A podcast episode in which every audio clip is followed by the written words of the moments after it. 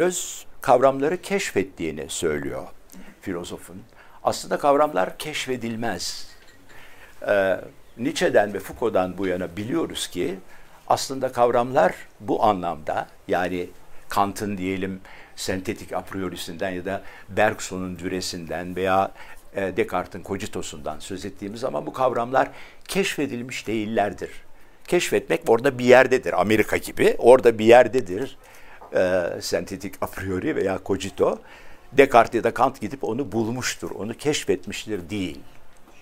Kavramlar icat edilirler. Almancasıyla söyleyeyim, Erfindung diyor e, Nietzsche.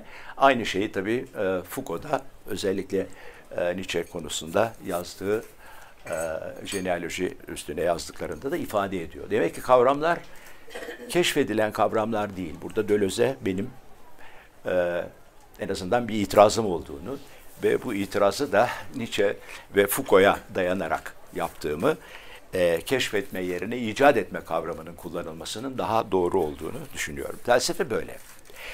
Felsefe nedir sorusunun yanıtı bu. Felsefe ne değildir sorusuna ise e, bizim e, Edebiyat Fakültesinde hocalığımızı yapmış olan rahmetli İlmi Ziya Ülke'nin felsefeye giriş kitabından bir bölümünü aktarmak istiyorum size. İlmi Ziya Hoca e, felsefenin hiçbir şekilde şiirle ilişkisi olamayacağını, şiirle yapılmış olan, e, üretilmiş olan düşüncelerin felsefe sayılmaması gerektiğini şöyle örneklerle felsefeye giriş kitabında ki bu giriş 1957 yılında Ankara Üniversitesi e, İlahiyat Fakültesi e, yayınları arasından çıkmıştır. Felsefeye giriş kitabı. Orada şöyle diyor İlmi Ziya Hoca. Diyor ki örnek veriyor. Şehzade'nin Gülistanı ve Bostanı, La Fontaine'in masalları, Mevlana'nın Mesnevisi, Aşık Paşa'nın Garip Namesi, Dante'nin ilahi komedyası, Goethe'nin Faust'u felsefe değildir. Bu gibi eserlerin içerisinde çok derin cümleler bulunur.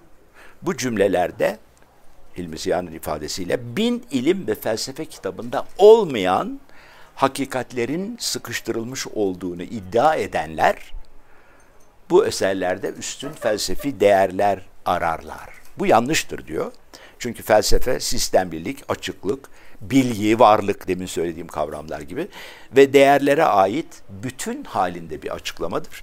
Dolayısıyla Hilmi Ziya'nın deyişiyle e, bu tür e, yapıtlarda örneğin Mevlana'nın Mesnevisinde ya da Aşık Paşa'nın Garipnamesinde veya Dante'nin ilahi komedyasında e, ileri sürülen şiirsel düşünceler birer edebi hikmetten ibarettirler. Hilmi Ziya bunlara hikemiyat diyor. Yani bilgece sözler. Hikemi, edebi hikmet ya da hikemiyat. Bunlar felsefe değildir, hikemiyattır diyor. Güzel. Demek Hilmi Ziya felsefeyle e, şiir arasında özellikle mesnevilerde vesairelerde dile getirilmiş olan şiirsel sözün herhangi bir şekilde e, bir felsefe sayılmaması gerektiğini, dolayısıyla e, bu tür eserlerde olsa olsa hikmetli sözler bağlamında edebi hikmet ya da hikemiyat diye adlandırabileceğimiz bir takım özelliklerin bulunduğunu ileri sürmekle yetiniyor. Peki felsefe konusunda e, şeyin söylediklerine, Deleuze'ün söylediklerine bakıyoruz. E, bir anlamda felsefe tabii son kertede e, Platon'dan bu yana bildiğimiz gibi e, hakikatin araştırılmasıdır. Felsefeyi böyle tarif etmek gerekir diye düşünüyoruz. E, hakikat konusunda felsefe tarihine baktığımız zaman hakikatin ya da doğrunun ne olduğu konusunda felsefe geleneği bize iki kriter veriyor. Bunlardan biri empirik kriter dediğimiz kriterdir. Diğeri lojik kriter dediğimiz kriterdir. Nedir empirik kriter? Yani çok basit. Diyelim ki bu masanın üstünde bu bardak duruyor. Bu bir gerçekliktir. Gerçeklik dünyaya ait olan bir şeydir. Bu bardağın bu masanın üzerinde durması gerçekliktir ve gerçeklik dünyaya ait olan bir şeydir. Ama ben bu bardak bu masanın üstünde duruyor cümlesini söylediğim zaman bu artık bu cümle dile ait olan bir şeydir. Dolayısıyla genellikle felsefecilerin uygunluk ya da up uygunluk diye dile getirdikleri durum gerçeklikle dil arasındaki birebir örtüşmenin ortaya koyduğu hakikattir ya da doğruluktur. Yani ben e, bu gerçekliği masanın üstünde duran bu bardağı e, bu bir telefon kutusudur desem e, sözle yani dile getirdiğim cümleyle gerçeklik arasında bir uyumsuzluğu değiş yerindeyse dile getirmiş oluyorum. Empirik kriter ya da algıya dayalı kriter dediğimiz doğruluk ya da hakikat kriteri budur. Yani dille dünya arasındaki ilişkinin upuygun ya da Latince ifadesiyle söylemek gerekirse adequatio olması gerekir. Adequate olması gerekir. Bu empirik bir kriter. Peki lojik kriter nedir? Mantıksal kriter nedir? Hakikati algının dışında akıl yürütmelerle e, bulabildiğimiz durumlar vardır. Örneğin diyelim klasik e, sillojizmler, tasımlar, bütün insanlar ölümlüdür. Sokrates de insandır. Öyleyse Sokrates de ölümlüdür türünden. Sonuçta eğer Sokrates'in ölümlülüğünü eğer biz çıkarsama yoluyla, dedüksiyon yoluyla değiş yerindeyse, bir akıl yürütmedir dedüksiyon çünkü. Bunu buluyorsak eğer, e, o zaman bir hakikati bu kez uslamlama yani akıl yürütme yoluyla yani lojik yolla temellendirmiş oluruz. Bütün bir felsefe geleneği bize diyor ki, özetle söylüyorum, iki şey var. İki kriter var. Bunlardan bir tanesi empirik kriterdir. Yani doğrudan doğruya algıya dayanan empirik bir kriterdir. Yani gerçeklikle dil arasındaki upuygunluğu bir hakikat kriteri olarak kabul etmek.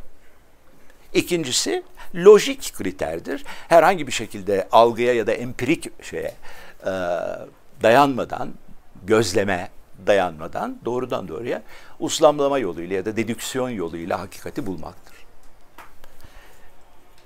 Üçüncü yol felsefe tarihinde yok. Geleneksel felsefe tarihinde hemen altını çizerek söylüyorum. Bu e, geleneksellik öyle söyleyeyim Heidegger'le bozulmuştur. Heidegger'le bozulmuştur. Heidegger diyor ki gerçekliği e, algının yani empirik kriterin ya da uslamlamanın, çıkarsamanın, dedüksiyonun getirdiği lojik kriterin dışında başka bir yerde de aramak mümkündür.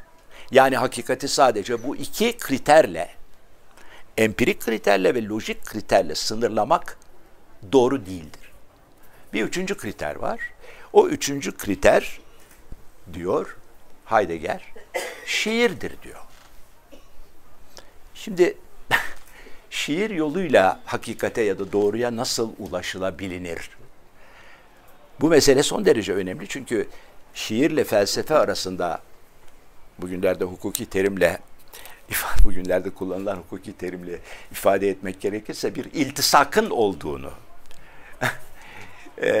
keşfedebilmek, bir iltisak ilişkisi olduğunu keşfedebilmek e, bizim bugün burada tartışmak durumunda olduğumuz meseleye çok büyük bir aydınlık getirecektir.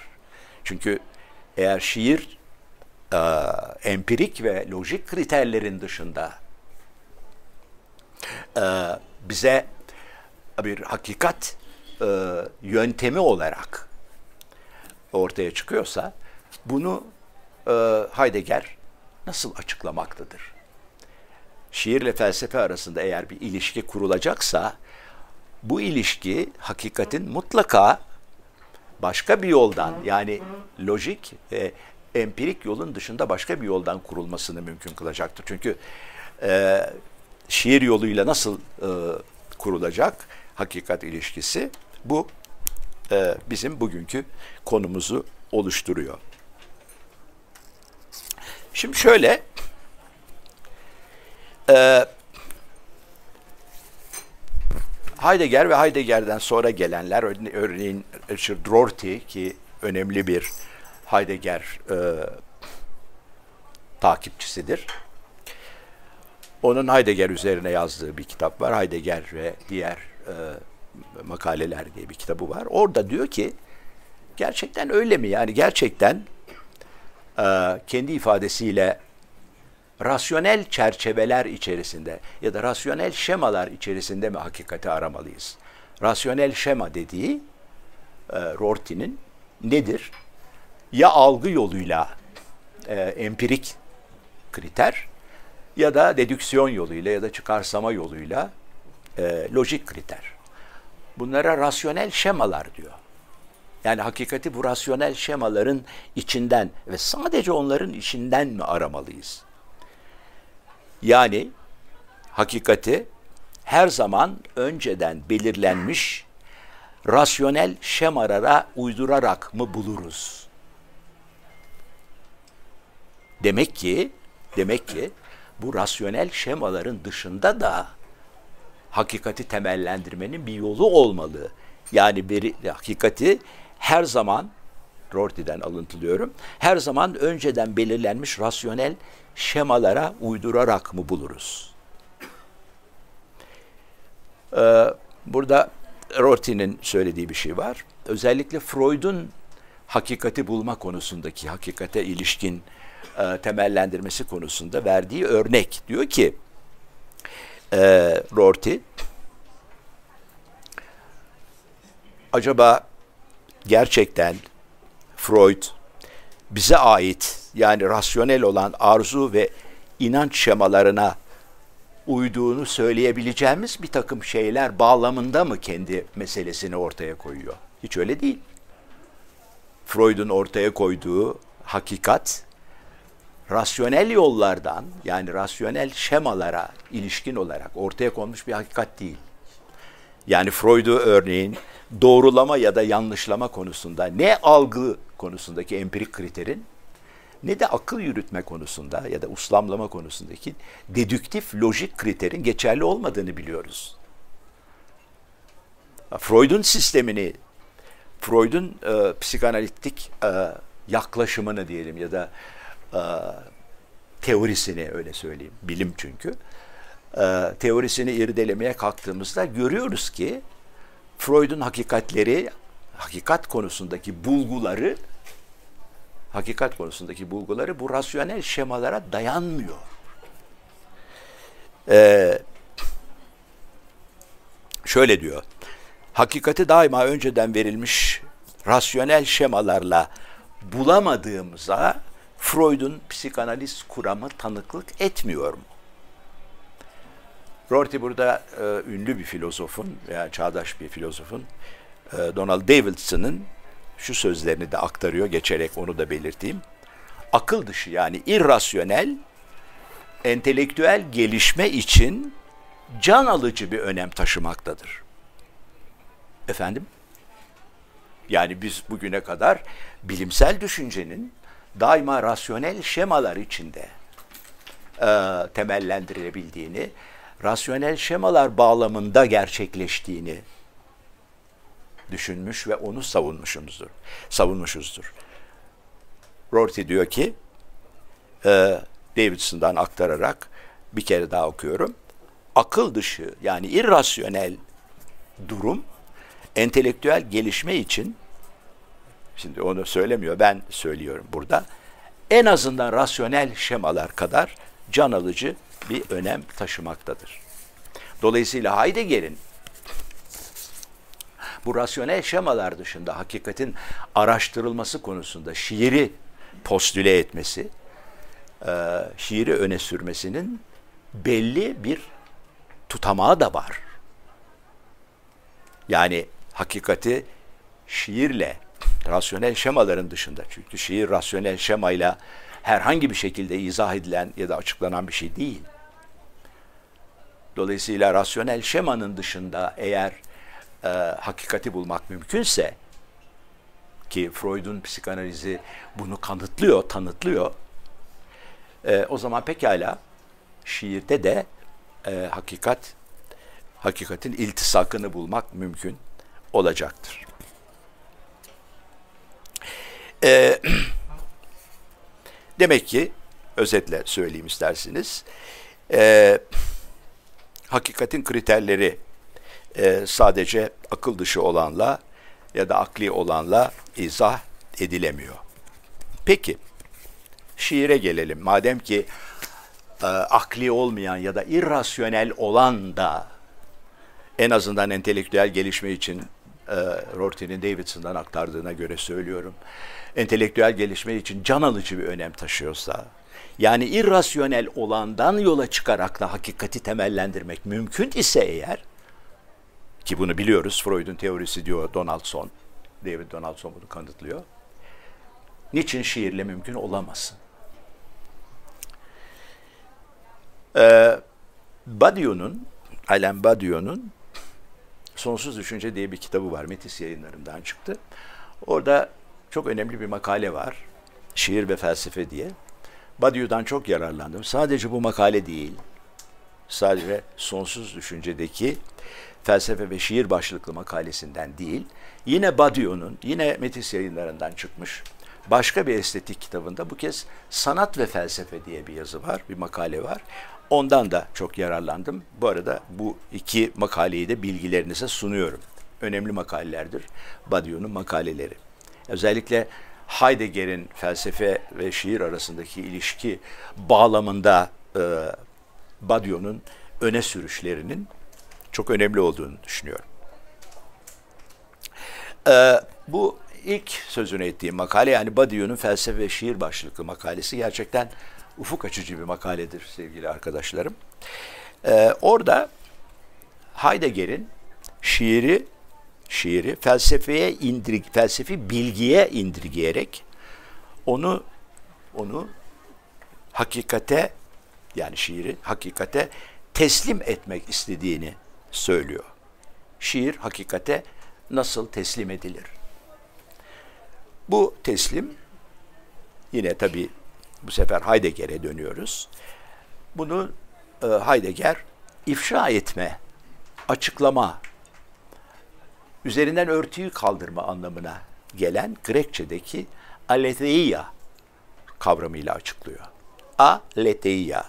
Letheia, ben Grekçe bilmiyorum ama e, hocaların söylediklerinden yola çıkarak koyuyor. Letheia, üstünü örtmek demek. Grekçe'de a bir negasyon ifadesidir, olumsuzluk ifadesidir. Bunu biliyorum. Dolayısıyla leteia'nın başına, lete, e, leteia'nın başına a geldiği zaman olumsuzlanmış oluyor. Yani e, üstünü örtmek yerine aleteia olunca üstünü açmak. Leteia örtmek, aleteia onu olumsuzlama anlamında üstünü açmak. İfşa etme. Heidegger şöyle diyor şiirsel söz ister dar, ister geniş anlamda düşüncedir. Şiirsel söz ister dar, ister geniş anlamda düşüncedir. Varlığın dayattığı hakikati dile getiren düşünce de şiirdir. Varlığın dayattığı hakikati dile getiren düşünce de şiirdir. Şiir sanatın özü, şiirin özü de hakikatin temelidir. Şiir hakikati ifşa eder. Aletheia. Aletheia. İngilizcesi unconcealment diye çevriliyor. Bazıları bunu unconcealment yerine uncoveredness yani üstünü açma biçiminde tercüme edilmesinin daha doğru olacağını söylüyorlar. Bana göre de öyle. Çünkü ifşa etmede var olan bir şeyin açığa çıkarılması var. Halbuki burada üstünü açma, örtme, uncover etme gibi bir durum söz konusu. O yüzden uncoveredness'ın Aletheiya'nın Heidegger bağlamında daha doğru bir çevirisi olduğunu söylemek gerekir diye düşünüyorum. Şimdi bunun nasıl, bu, bunun acaba felsefe tarihinde bir karşılığı var mı? Yani Heidegger'in söylediği gibi e, şiirin hakikati ifşa etmesi, ya da üstüne açması hakikatin üstünü, örtülü olan hakikatin örtüsünü kaldırması e, meselesinin felsefe tarihinde bir karşılığı var mı? Heidegger diyor ki var.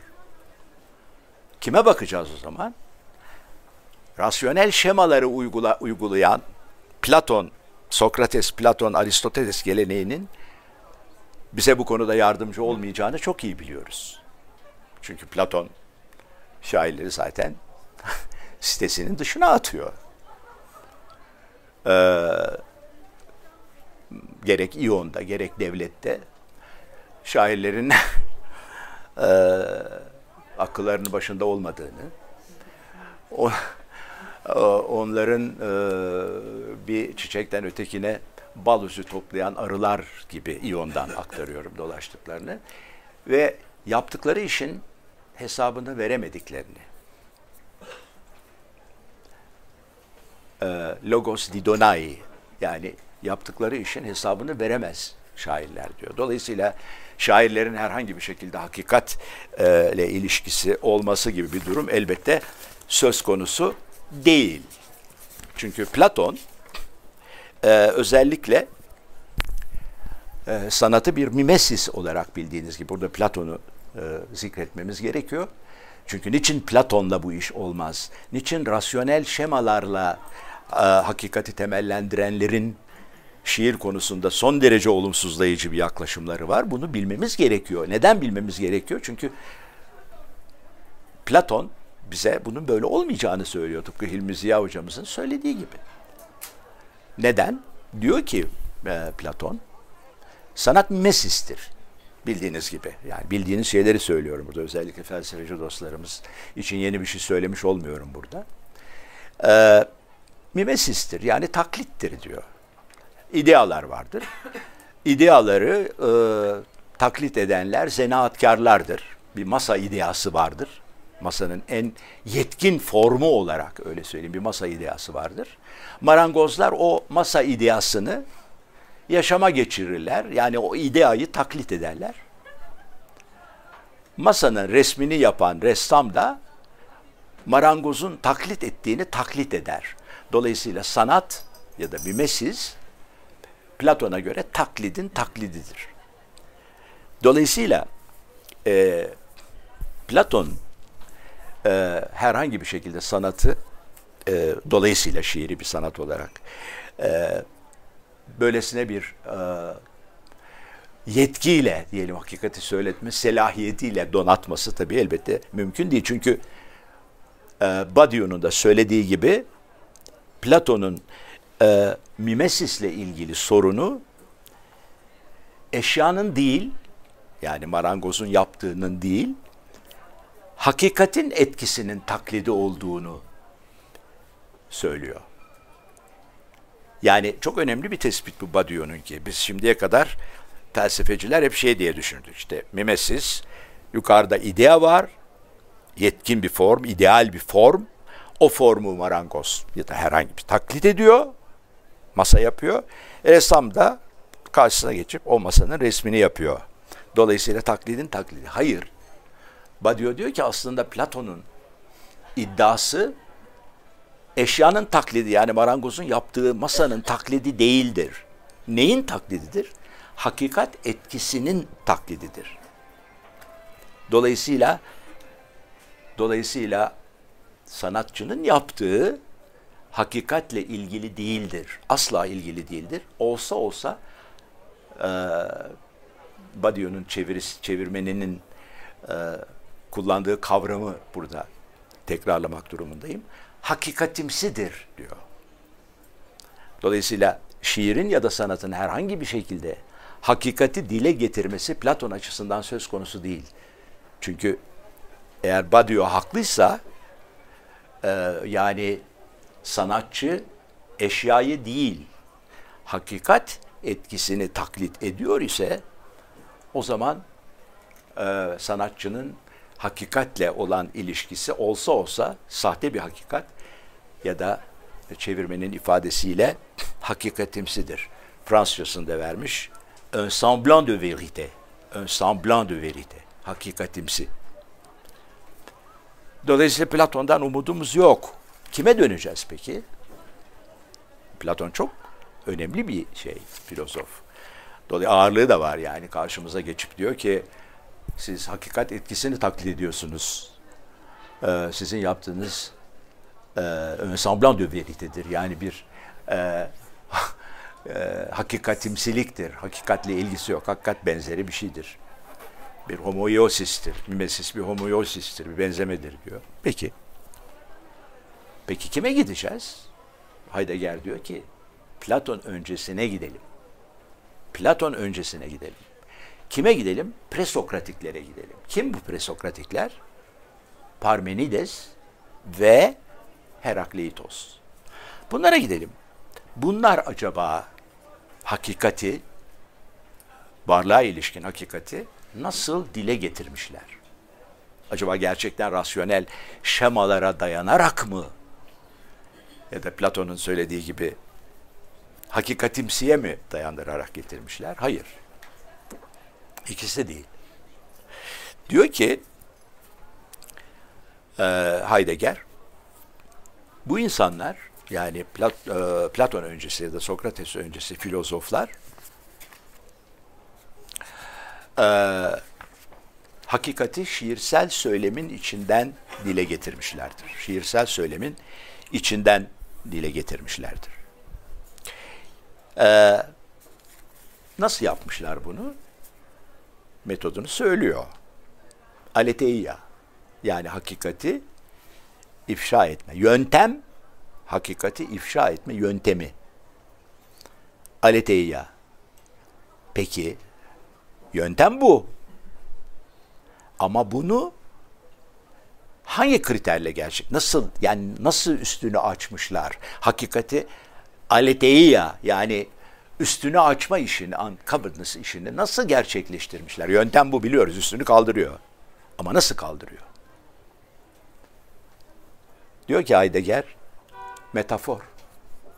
Metafor.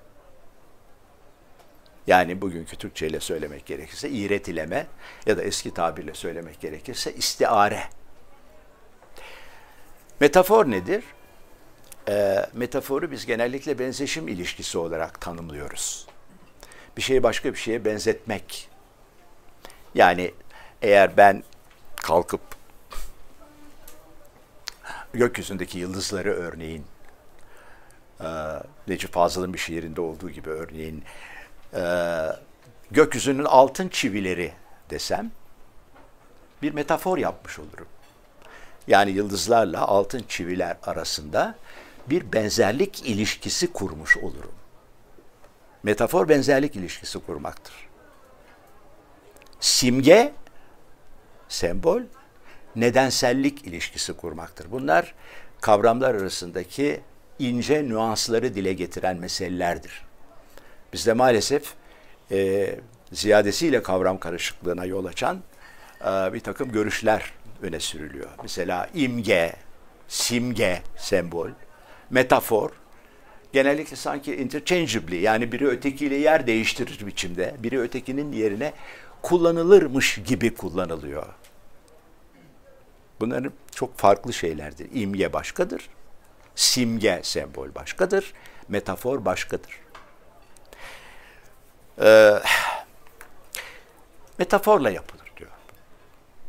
Peki, metafor nasıl oluyor da hakikatin üstünü açmada yani aleteiyada bize yardımcı oluyor.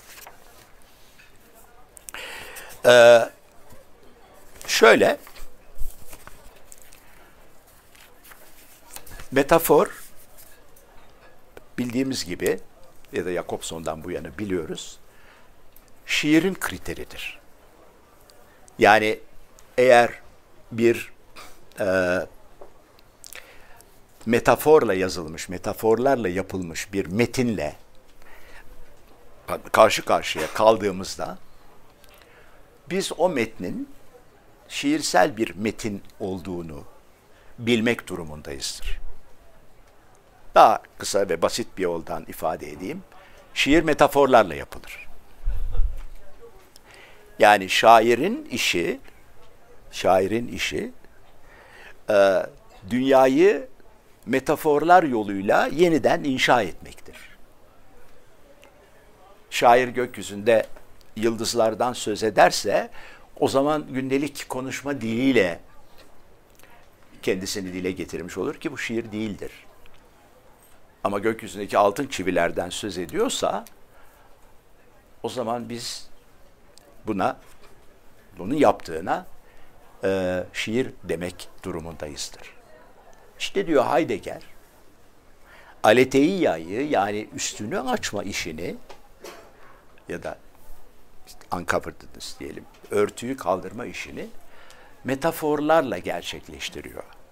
Peki metafor nasıl hakikat, hakikati e, temellendirebilir ya da hakikati nasıl teslim alabilir Badiou'nun söylediği gibi? Burada tabii Heidegger bir şey söylemiyor ama demin sözünü ettiğim e, Heidegger'in yakın takipçilerinden biri olduğunu düşündüğüm e, Richard Rorty bize bu işin nasıl olduğunu şöyle anlatıyor. Ee,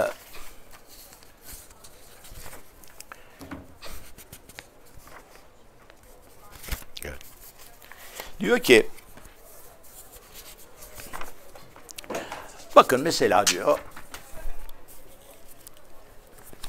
İsa'dan bin yıl önce pardon İsa'dan bin yıl sonra yani milattan sonra bin yılında birisi kalkıp şöyle bir şey söyleseydi Rorty'den aktarıyorum. Dünya İsa'dan sonra bin yılı daha Galile yok, Kepler yok, diyor Brahe yok.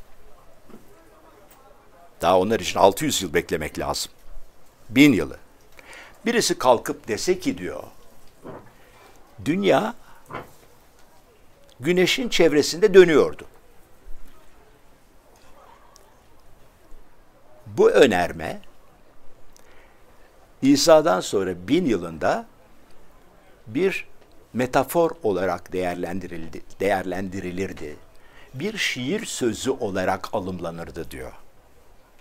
Çünkü o yıl, o İsa'dan sonra bin yılında gerçeklik diye kabul edilen bu değildi. Gerçeklik diye kabul edilen güneşin dünyanın çevresinde döndüğüydi. Eğer dünya güneşin çevresinde dönüyor diyen birisi var idiyse İsa'dan sonra bin yılında bu olsa olsa bir şairdir diyor Rorty. Ama ne oluyor diyor Rorty? Aradan 600 yıl geçtikten sonra o metafor hakikate dönüşüyor. Yani metaforun da bir hakikat inşa etmesi elbette bu anlamda söz konusudur. Şöyle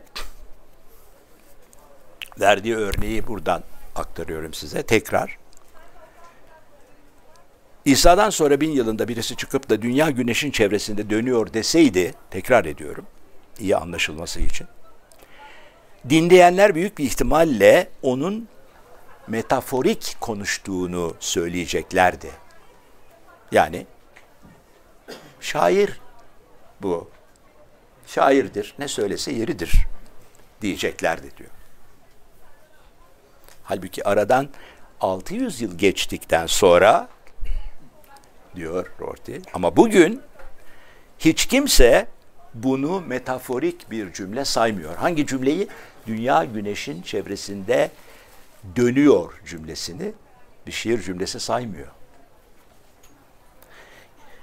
Doğru kabul edilmesi geçen bin yıllık süreç içinde inançlarımızın bu doğruya yer verecek biçimde yeniden örüntülenmiş olmasından dolayıdır diyor. Şimdi açıkça anlaşılmıyor mu aslında? Yani rasyonel şemaların dışında pekala şiir, e, hakikatin ya da doğrunun en azından burada hakikat sözünü doğru anlamında kullanıyorum. Yani İngilizce truth karşılığını kullanıyorum. Hakikat deyince aşkın, e, metafizik, transandan bir şey kastettiğim zannedilmesin. Tamamen rasyonel şemalar anlamında e, doğrudan söz ediyorum. Yani doğru, bu cümle doğrudur anlamında. Yani doğru bir sonuca varıldı anlamında. Empirik veya lojik. Dolayısıyla e, pekala metafor yoluyla da rasyonel şemaların dışında irrasyonel olduğunu düşündüğümüz yani akıl dışı olarak kabul ettiğimiz bir yolla da e, metafor yoluyla da pekala e, şeyin hakikatin üstünü e, açabilir ve onu e, bugüne taşıyabiliriz. Öyleyse şiirle felsefe arasında bir bağıntı kurulacaksa bu bağıntı e, doğrudan doğruya rasyonel şemaların dışında metafor yoluyla kurulmalıdır. Metaforlar da tıpkı algılar gibi, tıpkı algılar gibi empirik, tıpkı uslamlamalar, dedüksiyonlar gibi lojik, yani rasyonel şemalar gibi bir hakikat ifşası, ifya edicisi de olabilirler. Bu çok önemli bir şey. Yani Heidegger'in yaptığı aslında Heidegger'in yaptığı e, rahmetli İlmi Ziya Hoca'nın ve başkalarının e, iddia ettikleri gibi e, şairlerin yaptıkları tamamen hikemiyattan ibarettir. Onlar bilgece sözler söylemekle yetinirler. Onun dışında onların yaptıkları felsefe değildir diye tamamen Platoncu görüşü tekrarlamakla yetiniyorlar idi. Platoncu görüş neydi? Mimesis bir homeosistir. Mimeis, mimesis, taklit, eşyanın taklidi değil, hakikat etkisinin taklididir. Dolayısıyla şiirle yapılan şey bir hakikat değil, olsa olsa un semblant de vérité'dir. Hakikatimsidir. O kadar diyor idi Platon. Burada tabii Platon'la e, İlmi Ziya Hoca'nın aynı kanaatte olduğunu söylememde bir sakınca yok. Onlara göre böyle bir şey mümkün değil. Ama Heidegger'in gerçekten çok ufuk açıcı bir yaklaşımla ve ondan sonra tabii onun açtığı yoldan, onun açtığı mecradan Rorty'nin, Badiou'nun e, yola devam etmeleri bize gerçekten çok ufuk açıcı e, bir öneriyle geliyor. Şairler de hakikatin temsilcisidirler. Şairler de bize hakikati dile getirirler. Hakikat mutlaka akılla kavranan bir şey değildir. İşte Freud'un tezi, işte Freud'un psikanalizi. Hangi e, ölçülerle biz Freud'un psikanalizinin e, rasyonel şemalara uygun bir biçimde inşa edildiğini söyleyebiliriz? Hiç. Dolayısıyla bilim nasıl böyle inşa ediliyorsa, hakikati, bilimin hakikati nasıl böyle inşa ediliyorsa, irrasyonel yoldan, e, şiir de bir irrasyonel e, yol olarak, bir mecra olarak pekala hakikati bize sunabilir, e, dile getirebilir e, ve bunun için de metafordan yararlanır diyor. E, kısa ve kestirme yoldan benim söyleyeceklerim bundan ibaretti. Aşağı yukarı işte 45 dakika falan konuşmuş oluyorum. E, sorularla eğer e, daha da açılmasını, örtünün açılmasını diyelim istiyorsanız o zaman memnuniyetle sorularınızı cevaplandırın. Beni dinlediğiniz için çok teşekkür ediyorum. Sağ olun.